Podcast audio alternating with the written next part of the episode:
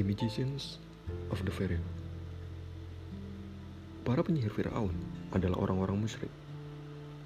Karena ilmu, dengan seketika mereka berubah menjadi orang-orang dengan keyakinan yang kuat. Ancaman siksaan dan kematian tidak lagi menggoyahkan iman. Tidak menimbulkan rasa gentar dan tidak membuat mereka merasa takut.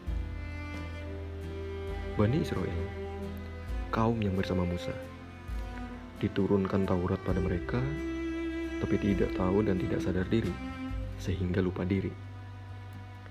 Mudah kagum dan terpesona, mudah ikut-ikutan, lupa jika mereka punya Tuhan.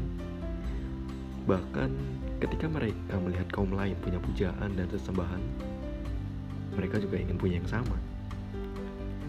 Akhirnya tidak patuh pada pesan Musa, bahkan melanggarnya.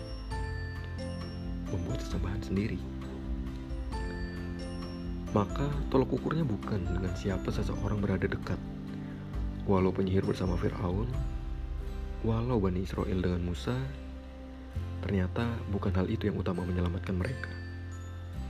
Walau sebenarnya itu bagian daripada asbab.